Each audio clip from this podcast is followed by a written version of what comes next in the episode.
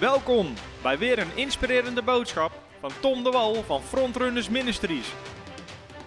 We bidden dat je via deze aflevering geïnspireerd wordt in je leven met God en opgebouwd wordt in je geloof. 2 Samuel 1, vers 23 zegt over Saul en Jonathan.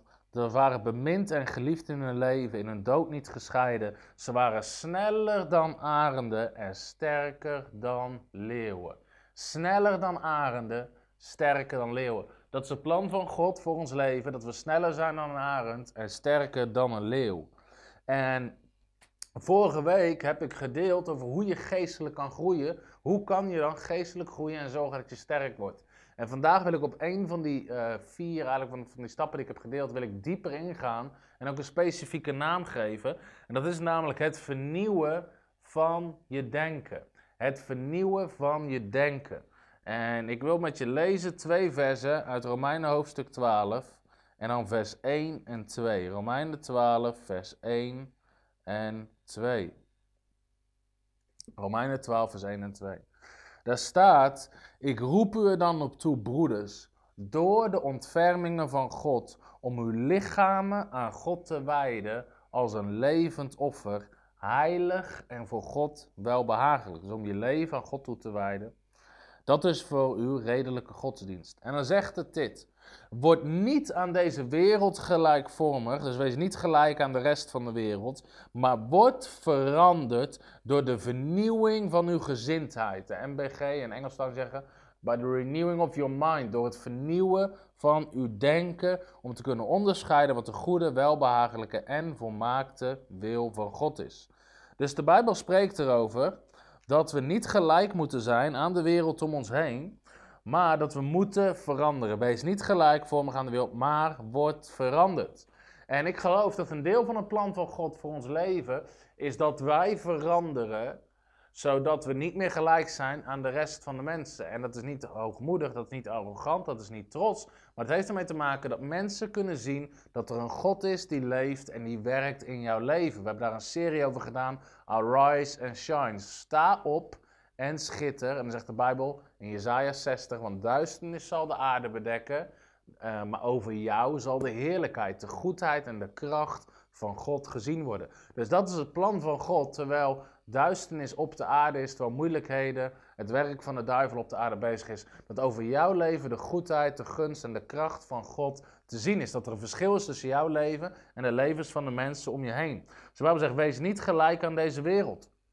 Ik geloof dat er problemen zijn waar je als christen niet doorheen hoeft te gaan, waar andere mensen wel doorheen gaan. En nogmaals, dat is niet hoogmoedig, dat is niet arrogant, maar ik geloof dat door het woord van God en de geest van God, God ons principes geeft en God ons kracht geeft om ons leven zodanig te leven uh, met de wijsheid van God, dat we door bepaalde problemen niet heen gaan. En een van die problemen, wat, dus, wat je dus heel vaak hoort en ziet, uh, is bijvoorbeeld scheiding. En ik weet, heel veel christenen zijn gescheiden, maar laten we vooropstellen, dat is niet het plan van God. En als we als twee partijen die van bond aangaan, allebei gevuld zijn met de geest, wandelen naar het woord van God, wandelen in liefde naar elkaar, dan weet je, dan is dat iets waar je niet doorheen hoeft te gaan. Maar sterker dat je een huwelijk hebt wat een voorbeeld is voor de rest van de wereld. Dat is het plan van God, dat jouw huwelijk een voorbeeld is voor de mensen om je heen. Um, dus dat zijn problemen. Maar zelfs dingen zoals familieproblemen, misschien bepaalde financiële problemen, ziektes. Weet je, er is kracht in God om al die dingen te overwinnen. Sommige dingen hoef je als christen niet eens doorheen te gaan. Er is al overwinning bij de voorhand. Dat als we wandelen in het plan van God, dat we door die dingen niet eens heen hoeven te gaan. En um, uh, bijvoorbeeld financiële problemen. Weet je, er kunnen dingen in je leven gebeuren waardoor je financieel lastig zit. Maar er is wijsheid en kracht in het woord van God. Uh, van, wij, van rentmeesterschap en bovennatuurlijke voorziening. Waardoor we daar niet doorheen hoeven te gaan. En als we wel door dingen heen gaan, dat we er anders doorheen gaan dan de mensen om ons heen. Niet in paniek zijn, niet in angst zitten, maar dat we vertrouwen op God, volkomen rust hebben, zijn antwoord en zijn hand zien in elke situatie. Dat is het plan van God voor je leven. Uh, maar daarvoor moet je sterker worden. Sterker dan de problemen die jou lastig vallen. Sterker dan de dingen die op je pad komen. Dus daarvoor moeten we veranderen. Hoe verander je? De Bijbel zegt hier: wees niet gelijkvormig in deze wereld, maar word veranderd door het vernieuwen van je denken. Door het vernieuwen van je denken. Dus hoe gaat de verandering plaatsvinden in je leven? Door anders te gaan denken. Door op een andere manier te gaan denken dan de mensen om je heen. En eigenlijk de manier waarop jij denkt bepaalt hoe je leven eruit ziet. De manier waarop je denkt bepaalt hoe je leven eruit ziet. En ik moet aan een voorbeeld denken, wat gewoon even. er was iemand en die kende ik en die had schulden. En ehm, ik ga verder geen details geven, zodat niemand kan raden wie het is. In ieder geval, die persoon had schulden en die vroeg raad of gebed. En uiteindelijk zegt, joh, hoeveel, hoeveel euro schuld heb je? Hoeveel kan je verdienen in de maand? En ze waren samen en ze, hadden, ze zouden op zo'n manier kunnen leven dat ze maar van één salaris hoefden te leven. Ehm, maar die man die wilde niet gaan werken, want dan zou hij schulden afbetalen in plaats van voor zichzelf verdienen. Uh, het gevolg is dat hij al jarenlang in schulden zat, want hij, had geen, want hij had niet het gevoel dat hij ze af hoefde te betalen. Heel raar verhaal. Maar het probleem, het gevolg is dat je jarenlang heel je leven in schulden zit. Dan kan je gebed vragen, maar het is oneerlijk om gebed te vragen dat iemand anders jou geld geeft om je schulden af te betalen, als je zelf te beroerd bent om te werken. Weet je, als, jij, als hij had binnen een jaar van al zijn schulden af kunnen zijn door het gewoon af te lossen. Maar als je dat niet wil, weet je, dan zit er een probleem in je denken, waardoor je de rest van je leven achtervolgd wordt door schulden, problemen, dingen die zich opstapelen. Weet je, en stapelt zich maar op en stapelt zich maar op. Um, dus hoe je denkt bepaalt hoe je leeft. Daarom zegt de Bijbel in Spreuken 23, vers 7: Zoals een mens denkt in zijn hart, zo is hij. Zoals een mens denkt in zijn hart, zo is hij. Ik heb de reacties inmiddels gevonden. Hoi Tessa, uh, Trinity, Wilfred vanuit de auto. Supergoed, prijs God dat mensen vanuit de auto kijken. Vanaf de A15, Daniel zit in de auto. Precies Tamara, als je ergens doorheen gaat, dan krijg je kracht, rust en geloof. Dus goed dat ik kan zien wie er kijken en wat de reacties zijn. Um, de Bijbel zegt in Spreuken 23, vers 7: Zoals een mens denkt in zijn hart, zo is hij. Dus hoe je leven eruit ziet, heeft ermee te maken hoe je denkt in je hart. Hoe je nu leeft, is het resultaat van hoe je altijd gedacht hebt. Daar moet je eens over nadenken. Hoe jij nu leeft, is het resultaat van hoe je altijd gedacht hebt. Dus als je je leven wil veranderen, moet je beginnen met je denken te vernieuwen.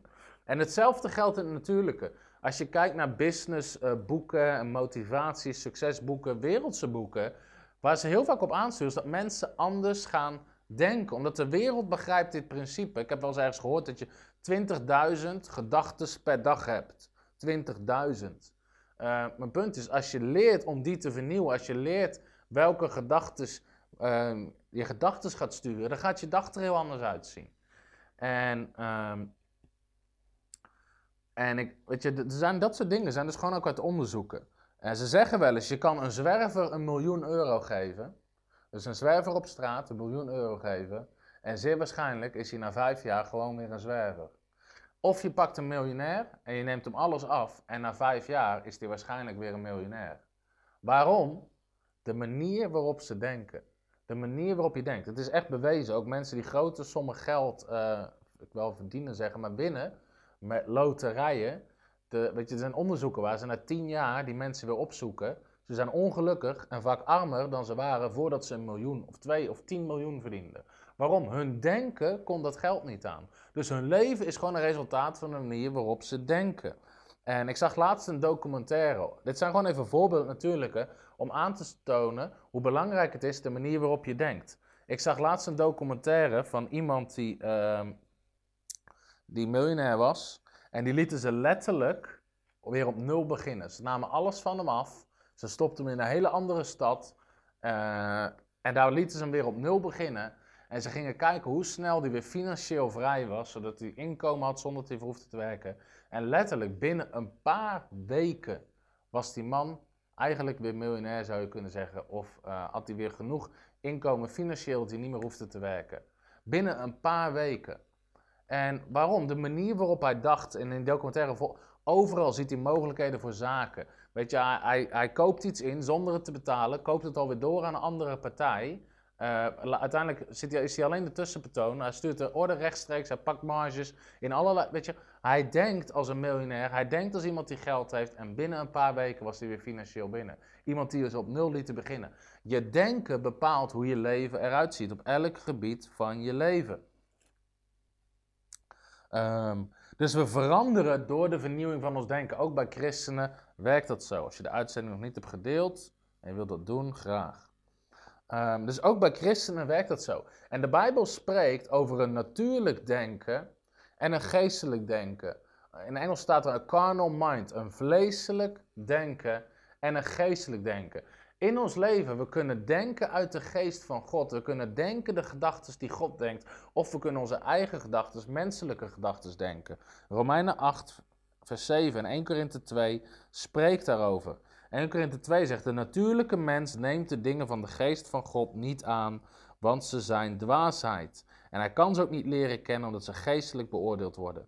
Maar de geestelijke mens beoordeelt wel alle dingen, zelf wordt hij door niemand beoordeeld. In ieder geval, de Bijbel zegt hier, er is een natuurlijke mens en er is een geestelijke mens. En wij mogen ons denken vernieuwen, zodat we gaan denken naar die geestelijke mens. En je ziet dat Jezus hier constant op aan aan het sturen is met zijn discipelen, om ze sterk te maken. En een verhaal daarvan, uh, in Marcus hoofdstuk 8, ik ga het nu niet lezen, ik zal het alleen citeren. Maar in Marcus hoofdstuk 8 heeft Jezus net de voedselvermenigvuldiging, uh, heeft net plaatsgevonden. Dus de discipelen hebben gezien met hun ogen hoe Jezus duizenden mensen voedt met een paar broden en een paar vissen. Ik zal toch even één veste van lezen, Marcus hoofdstuk 8. Dus Jezus voedt duizenden mensen met een paar broden en een paar vissen. Vervolgens moeten ze ergens anders naartoe en ze zitten met Jezus in, het, uh, in de boot. En uh, uiteindelijk, dan komen ze erachter dat terwijl ze in de boot zitten, naar de overkant van het meer, dat ze honger krijgen en dat ze niet genoeg brood mee hebben voor iedereen. En zegt de Bijbel, ze beginnen ruzie te maken in die boot dat ze niet genoeg eten hebben. En het is een bizar verhaal eigenlijk, want Jezus heeft net duizenden mensen te eten gegeven met vijf broden en twee vissen. En nu zitten ze zelf met z'n allen in de boot. En um, even kijken of het hier letterlijk staat. Ja, als je wel erbij, Marcus 8, vers 9, staat Jezus voer, uh, voerde 4000 mensen en hij stuurde ze weg. Meteen gingen zijn discipelen met hem het schip in. En dan beginnen ze te overleggen in vers 17, uh, oh, in vers 14. Zijn discipelen waren vergeten brood mee te nemen. Ze hadden maar één brood mee. En dan beginnen ze erover te spreken dat ze maar één brood mee hebben en dat ze honger hebben. En uiteindelijk zegt Jezus, hij zegt, begrijpen jullie het nog niet? Heb je nog steeds zo'n verhard hart? Hij zegt eigenlijk, heb je nog steeds niet je denken vernieuwd? Ik heb net 4000 mannen eten te geven met een paar broden en een paar vissen. We zijn nu met z'n twaalfen of met z'n dertienen en we hebben maar één brood. Jezus had dat wonder gewoon weer opnieuw kunnen doen. Alleen ze zaten nog steeds in hun natuurlijke denken. Hoewel ze net het grootste wonder hadden gezien tot dan toe. Dat Jezus duizenden mensen voedt met een paar broden. Zitten ze nu weer zorgen te maken en te discussiëren. En Jezus zegt, begrijpen jullie het nog steeds niet? Jezus had verwacht dat ze hun denken zouden vernieuwen door wat ze mee hadden gemaakt met God. En ook van ons verwacht hij dat, dat wij ons denken vernieuwen op basis van wat je meemaakt met God.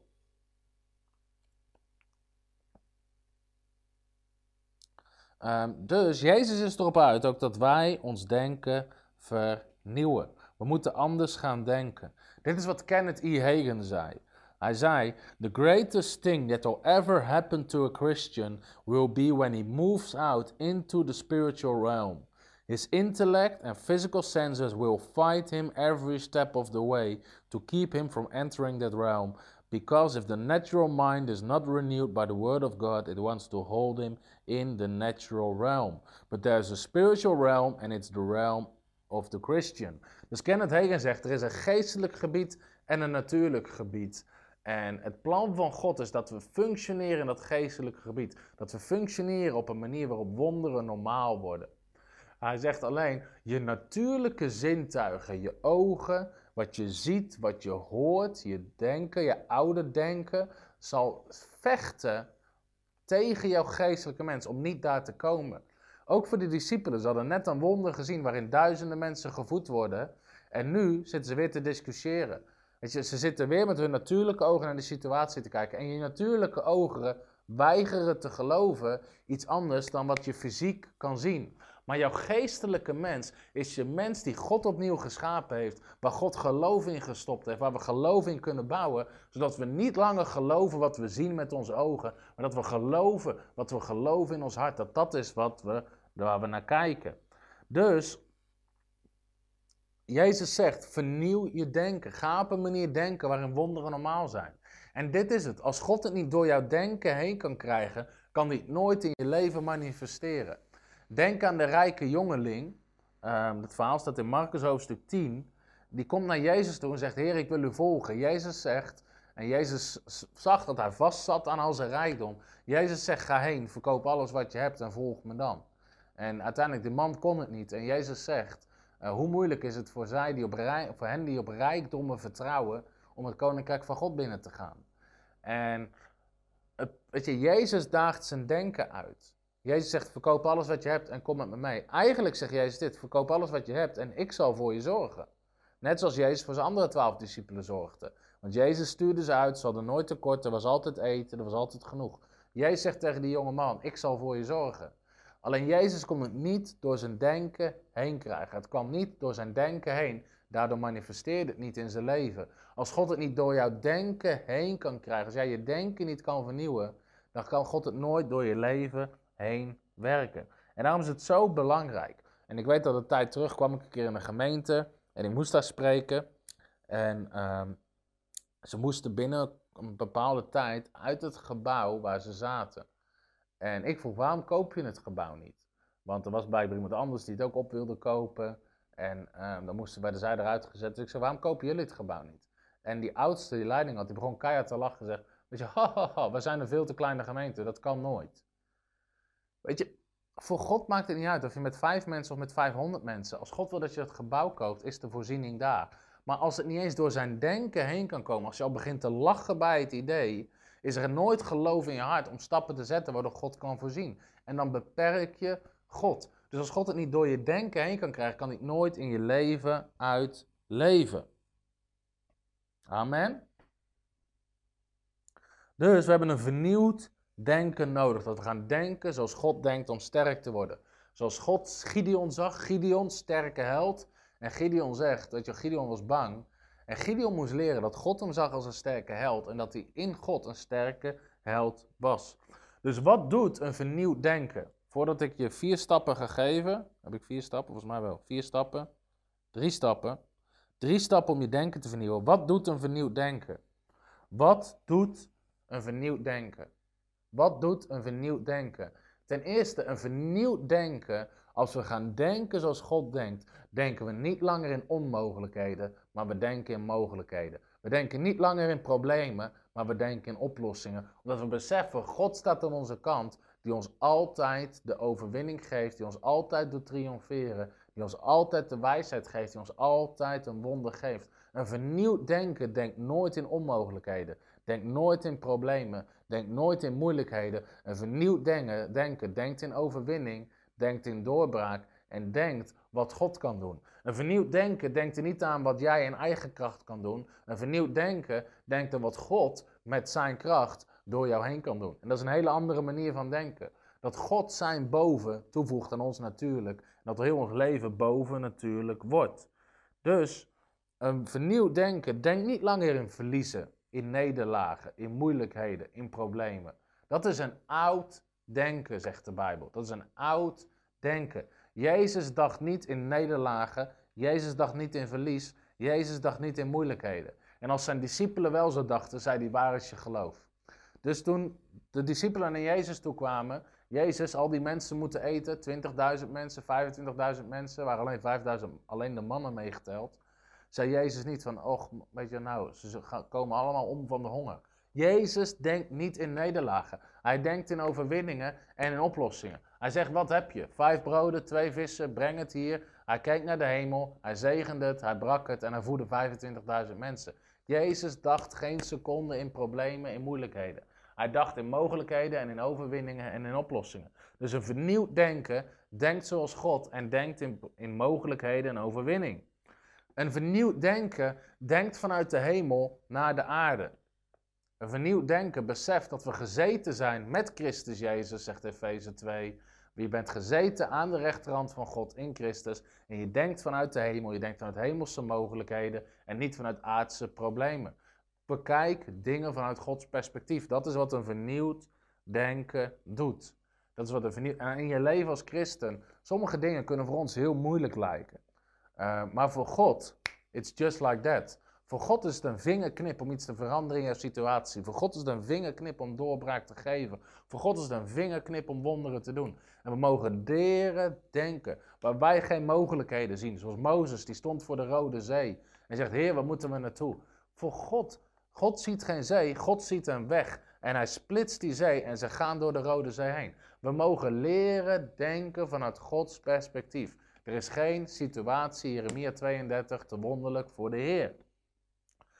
Een vernieuwd denken uh, ziet zichzelf, de Bijbel spreekt erover, in, uh, ga ik niet aanhalen nu, maar Colossense 3, ziet zichzelf als geborgen in God, in Christus Jezus. Jouw leven is geborgen in God, dus in de palm van Gods hand. En je mag weten, God heeft jou in zijn hand. Je bent kostbaar voor hem, hij laat je niet los, hij laat je niet struikelen, hij laat je niet vallen. Weet je, zelfs als we een keer door het water heen zakken, zoals Petrus, pakt hij ons bij de hand, trekt hij ons omhoog en gaan we weer verder. Weet je, een vernieuwd denken denkt niet als een wees. Heeft niet een mindset van een wees. God laat me dit alleen uitzoeken. God laat me dit alleen doen. Uh, nee, God is met je en hij helpt je in alles wat je doet. Dus een vernieuwd denken denkt niet als een wees, maar als een zoon van God. En een vernieuwd denken ziet zichzelf dus als een overwinnaar, niet als een verliezer, hebben we al behandeld. Ik heb dit, een vernieuwd denken zoekt God, vindt God en ontvangt van God. Als er problemen zijn in je leven, en daar ga ik zo meteen iets meer over zeggen, of uitdagingen, um, dan is het aan jou de taak om God te zoeken, God te vinden en God te geloven en uiteindelijk te ontvangen van God. En dit is iets wat veel christenen niet snappen. Veel christenen, zodra er een probleem is in hun leven, rennen ze naar een oudste team toe of naar de gastspreker en dan voorganger, bid voor mij, pastor, bid voor mij, evangelist, bid voor mij, profeet, bid voor mij. Eigenlijk willen ze dat iemand anders voor hun van God ontvangt. Het probleem is, dan ga jij nooit je denken vernieuwen en jij gaat nooit volharding leren. Als ik een probleem heb in mijn leven, ga ik niet toe naar andere mensen, wil je voor me bidden? En nogmaals, ik zeg niet dat het verkeerd is. Maar ik ga opzoeken, wat zegt het woord van God hierover? Ik ga geloof bouwen, ik ga erop mediteren, ik ga erop spreken. En ik zorg dat ik mijn wonder ontvang bij God. En in dat proces vernieuw ik mijn denken. Als er ziekte is in mijn lichaam, als er ziekte is in mijn leven, ga ik niet meer iemand anders toe. Wil je voor me bidden? Ik ga naar het woord van God toe. Ik lees wat er staat over ziekte. Ik mediteer erop. Door zijn streamen ben ik genezen. Ik geloof God. Ik spreek het uit. Ik dank hem ervoor. Ik ontvang het. En met dat ik mijn wonder ontvang, heb ik een hele grote stap gezet om mijn denken te vernieuwen. Namelijk dat God ook in mijn leven wil genezen. Dat hij ook deze ziekte kan genezen. Dus ik ga zelden naar iemand toe voor gebed, omdat ik wil mijn denken vernieuwen. Ik wil niet alleen een wonder ontvangen, ik wil niet alleen het wonder ontvangen en daardoor sterk worden. Ik wil een wonder ontvangen en in dat hele proces mijn denken vernieuwen. Zodat ik zelf in zijn geheel sterker word met God. Dus dat is wat een vernieuw denken doen. En heel veel mensen die ik spreek na diensten met problemen, hadden al lang van hun probleem af kunnen zijn als ze zelf God hadden gezocht, als ze de tijd en moeite hadden ingestoken. En dat is echt zo. Uh, dus heel vaak vraag ik aan mensen die zeggen, joh, we worstelen hier en hier mee. Wat zegt de Bijbel erover? Uh, ja, uh, uh, weten we eigenlijk niet. Dan is het tijd om op te gaan zoeken. Wat zegt God hierover? Waarom? Als je moet gaan denken zoals God denkt, moet je eerst weten, wat zegt God erover? Dus misschien heb je problemen in je huwelijk. Wat zegt God over een huwelijk? Wat zegt God over hoe je elkaar moet behandelen? Wat zegt God over dat je elkaar vergeven, in liefde wandelen, elkaar bemoedigen, elkaar sterken? Wat zegt God erover? Dat ga je opzoeken, dat ga je lezen, daarop ga je mediteren. In plaats van bid voor mij dat God met één grote klap je huwelijk weer één, uh, één spektakel maakt. je, maar dan ben jij niet veranderd. En God is erop uit dat jij verandert en dat je denken verandert. Dus je zal God moeten zoeken. Halleluja. En ik bid dat je huwelijk een spektakel is in Jezus' naam. Halleluja. Hoe vernieuw je je denken? Uiteindelijk is het redelijk simpel. Ik ga je drie stappen geven. Hoe vernieuw je je denken?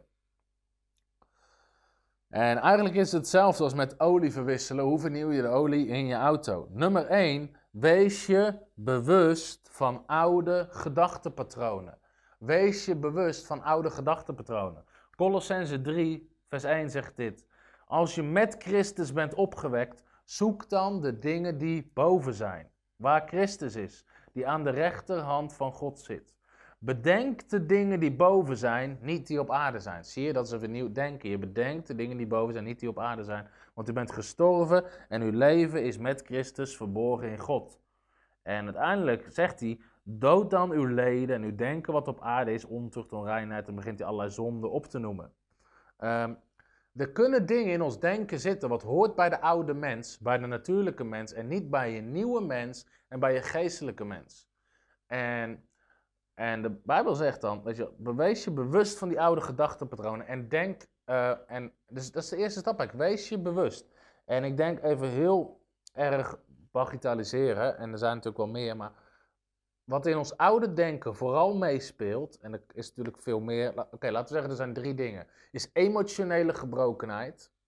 Uh, mensen die niet geliefd zijn in hun verleden, mensen die dingen mee hebben gemaakt, trauma's, iets aangedaan is, dat is een groot iets. Alleen we mogen weten, in Christus uh, ben je geliefd. Je bent geliefd door God de Vader. Hij is altijd met je. Hij laat je nooit achter. Hij doet je nooit kwaad.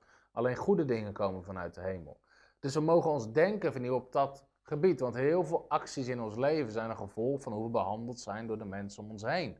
En dan mogen we uh, leren om daar afstand van te nemen. Dat als je vroeger gepest bent of mishandeld bent of wat er ook gebeurd is, dan is het logisch dat je een schild gaat opwerpen en alles om je heen om te voorkomen dat het nog een keer gebeurt.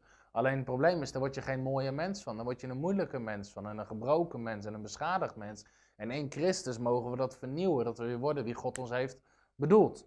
Um, dus dat is er één. Maar twee andere grote, dus naast emotionele gebrokenheid, of emotionele volwassenheid om het zo maar te zeggen, heb je ook de twee grootste dingen in ons oude denken zijn nummer één zonde, nummer twee ongeloof.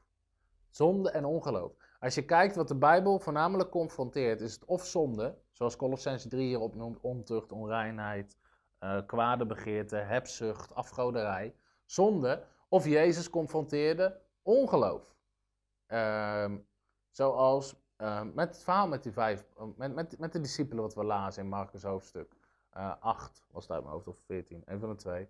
Ehm, waar hij dus hun ongeloof confronteert. Jezus zei heel vaak tegen de discipelen, waar is je geloof? Waarom heb je ongeloof? Dus in ons oude denken, en ik denk dat iedereen dat herkent, niemand uitgezonderd, zit denken, zit ongeloof. Dat is niet denken zoals God, want God denkt in reinheid en heiligheid en God denkt in mogelijkheden en geloof. Dus dat is wat in ons oude denken zit, wat we eruit mogen halen. Dus bijvoorbeeld Jezus confronteerde het leven van de rijke jongeling zonde en ongeloof. Namelijk de zonde dat hij uh, hebzucht had en afgoderij, namelijk zijn geld waar was hij hebzuchtig naar geworden, want hij kon het niet meer afstaan. En het was een afgod geworden, want hij vertrouwde erop. En daardoor had hij meteen ongeloof dat hij eigenlijk niet geloofde dat Jezus een beter plan had voor, hem, voor zijn leven dan hij had met zijn eigen geld. Dus Jezus confronteerde zonde en ongeloof in zijn leven. Um, dus als je. Dus je moet eerst erachter komen in je leven. Wat zit er wat niet van God is? En ik zal een persoonlijk voorbeeld geven waar ik bijvoorbeeld heel erg actief mijn denken heb moeten vernieuwen. Is en ik denk dat dit voor iedereen geldt, zorgen maken. Toen God ons fulltime in de bediening riep, en daarvoor al, ehm, toen, toen was ik jeugdleider, maar vroeg God van ook om hem te vertrouwen voor zijn inkomen. Ik was jeugdleider, deed een opleiding, had niet de tijd om daarnaast een bijbaan te hebben. Dus ik ervoer echt van God, weet je, vertrouw mij voor je inkomen, richt je op je jeugdwerk, bouw dat jeugdwerk, bereik mensen, richt je daarop. Ehm, maar wat dan in je natuurlijke oude mens altijd omhoog komt, is altijd zorgen. Ja, maar hoe ga ik dit dan betalen? Hoe ga ik dit dan doen? Waar komt dit vandaan? Waar komt mijn kleding vandaan? Waar komt zus vandaan? Waar komt zo vandaan? Dat zijn zorgen. Zorgen is mediteren op vragen en nadenken over foute uitkomsten. Wat als er niks komt? Wat... Maar Jezus zegt in Matthäus hoofdstuk 6, een heel belangrijk hoofdstuk voor elke christen, maak je geen zorgen. Maak je geen zorgen. Ik ga hem even opzoeken. Dus op het gebied van zorgen maken mogen wij ons denken vernieuwen. Want Jezus zegt, maak je geen zorgen. Zorgen maken hoort bij je oude mens, bij je natuurlijke mens, bij je vleeselijke mens. Niet bij je geestelijke wedergeboren mens. Dus Jezus zegt, uh, wees niet bezorgd. Matthäus 6, vers 25. Wees niet bezorgd. En daarna zegt hij nog een paar keer uh, in Matthäus hoofdstuk 6. Dus elke keer als ik me zorgen maakte, wat is, ik zie dus een patroon wat niet in mijn leven hoort, dat maak je geen zorgen. En belangrijk is, Jezus zegt niet, joh, tenzij het gaat over je kinderen. Of tenzij het gaat over dit. Weet je, soms komen mensen, ja, ik maak me zo'n zorgen. Dan zeg ik, dat is fout. De Bijbel zegt, maak je geen zorgen. Ja, maar je begrijpt het niet, het gaat over mijn kinderen. Weet je, zeg je dat ook tegen Jezus? Jezus zegt, maak je geen zorgen. En dan zeg je, ja, nee, Jezus begrijpt het niet, het gaat over mijn kinderen. Het punt is, Jezus zegt, maak je geen zorgen. Stop ermee. Want Jezus zegt vervolgens, je kan geen centimeter aan je lichaamslengte toevoegen door zonde te maken. In andere woorden, je kan niks veranderen aan jouw situatie door zorgen te maken. Dus stop ermee. Wat zegt Jezus wel? Heb geloof in God, vertrouw op God, zoek eerst het koninkrijk van God en zijn gerechtigheid en God geeft je voor de rest alles wat je nodig hebt. Dus dat is een proces. Iedere keer dat je zorgen maakt, hoe gaan we dit doen? Hoe gaan we dat doen? En zorgen maken is iets anders dan gewoon logisch nadenken over iets van hoe gaan we iets regelen. Maar zorgen maken is mediteren, ook bang zijn dat het fout gaat, daarover nadenken, er iets met je kinderen en maar nadenken, wat als het fout gaat, wat als het fout Dat is zorgen maken. En jij zegt het is fout. In iedere situatie het is fout. Er is geen enkel excuus om je zorgen te maken, hoe groot het probleem ook is. En dat klinkt heel hard, maar Jezus zegt maak je geen zorgen. God zorgt voor je. En dat is een proces waarin je oude mens je oude leven aflegt. Ehm, en hetzelfde dus met allerlei denkpatronen. En voor de een is dat anders dan voor de ander. Ehm, maar de eerste stap in het vernieuwen van je denken is wees je bewust van oude gedachtenpatronen. En dat is wat je moet gaan veranderen. Om een iets radicaler voorbeeld, voor als die andere nog niet radicaal genoeg was voor je. De Bijbel zegt, 1 Petrus 2 vers 23, door zijn streamen bent u genezen. Dus je moet jezelf gaan zien als een gezond iemand. En dan ga je merken dat jouw denken is dat niet gewend. Wat jouw denken denkt van, oh, weet je, het wordt weer, eh, het griepseizoen komt er weer aan. En weet je, ik zal het ook alweer krijgen. En dan zeg je, nee, ik krijg geen griep. Door zijn streamen ben ik genezen. En dat je gaat denken als iemand die geen ziekte meer accepteert in leven. Dat je gaat denken als iemand die gezond is. Dat je gaat denken als iemand die sterk is. Ehm, en misschien als er wel ziekte is in je leven, ga je net zo lang op mediteren totdat er een meerderheid wordt in je hart. Tot je hart er vol van is. En dan komt er geloof. En dat geloof is de kracht waar God erheen kan werken om het uit je leven te trekken. Uh, dus stap 1 is, hoe vernieuw je denken? Wees je bewust van oude gedachtenpatronen. Kan zijn met zonde, uh, met hebzucht. Sommige mensen, gewoon hebzucht, is vastzitten aan je bezit. Het moeilijk vinden om te geven. Het moeilijk vinden als iemand anders iets van je gebruikt of iets van je wil lenen. Of weet je wel, met alles denk je, ja, maar dat is van mij, dat is van mij. Uh, weet je, als er dingen uitgedeeld worden, altijd vooraan willen staan. Bang zijn dat je iets mist. Er is gewoon keiharde hebzucht. Als je moeite hebt om giften te geven, om grote giften te geven, heeft te maken met hebzucht.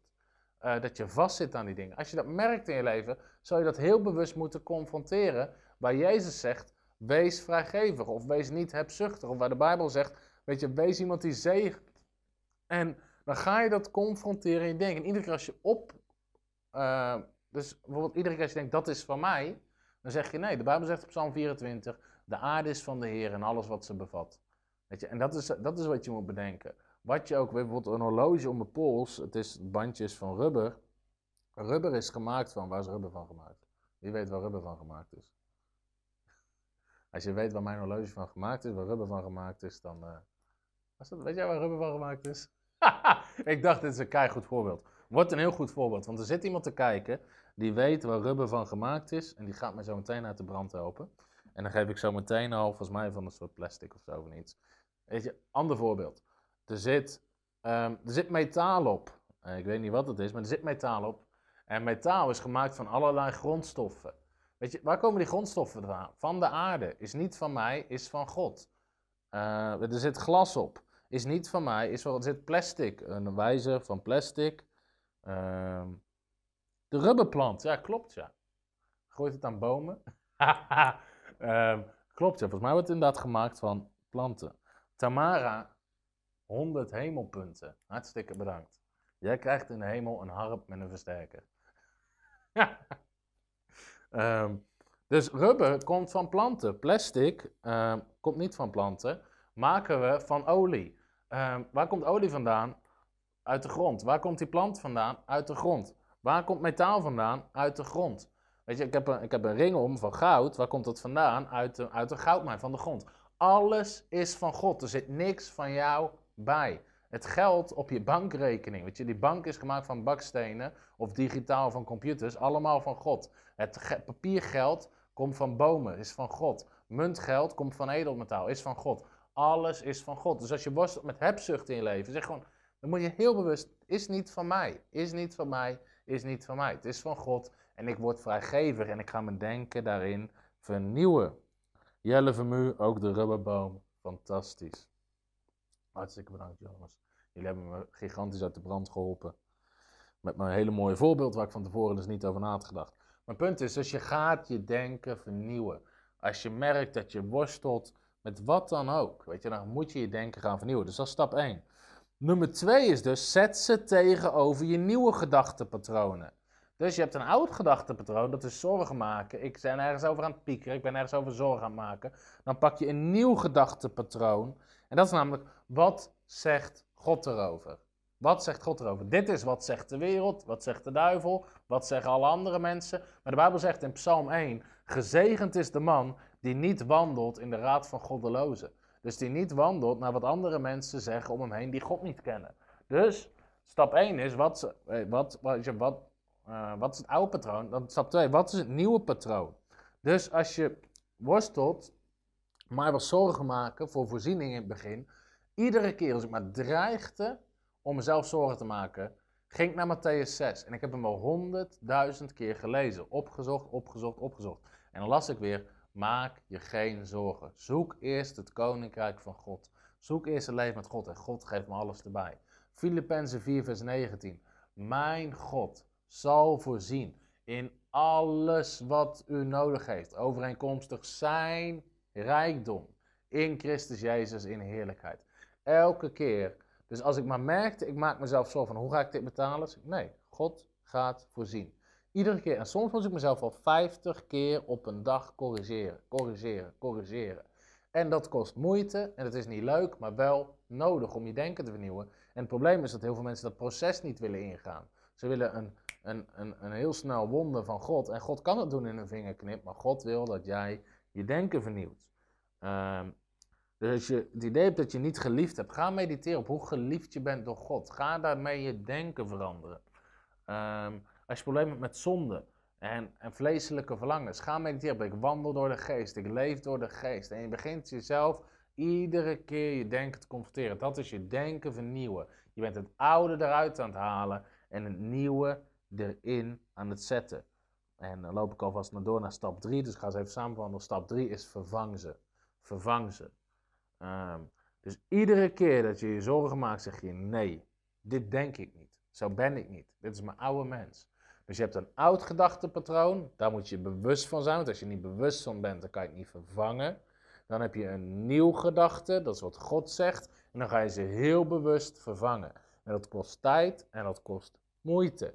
Je hebt niet in één dag geloof voor voorziening. Je hebt niet in één dag geloof voor genezing. Je hebt niet in één dag geloof voor alle zaken. Je bent niet in één dag zomaar waarschijnlijk van je zonde af. Dat is een verandering van je denken. Misschien dat je samen zegt, we gaan in ons huwelijk werken. Weet je, en dan is dat taai, want dat betekent je mag erop gecorrigeerd worden. Als je terugvalt in oude patronen. Misschien dat je boos wordt en dat je partner zegt, joh, weet je, weet je nog, we zouden niet meer boos worden. We zouden elkaar in liefde behandelen. En de vrucht van de geest is, is uh, zelfbeheersing en liefde. Weet je, en dan je, heb je de neiging misschien om nog bozer te worden als je partner dat zegt. Maar dan komt het erop aan, ga je denken en zeg je, oké, sorry, weet je wel. Ik word niet meer boos. Ik, ik ben vol geduld, ik ben vol zelfbeheersing, het spijt me.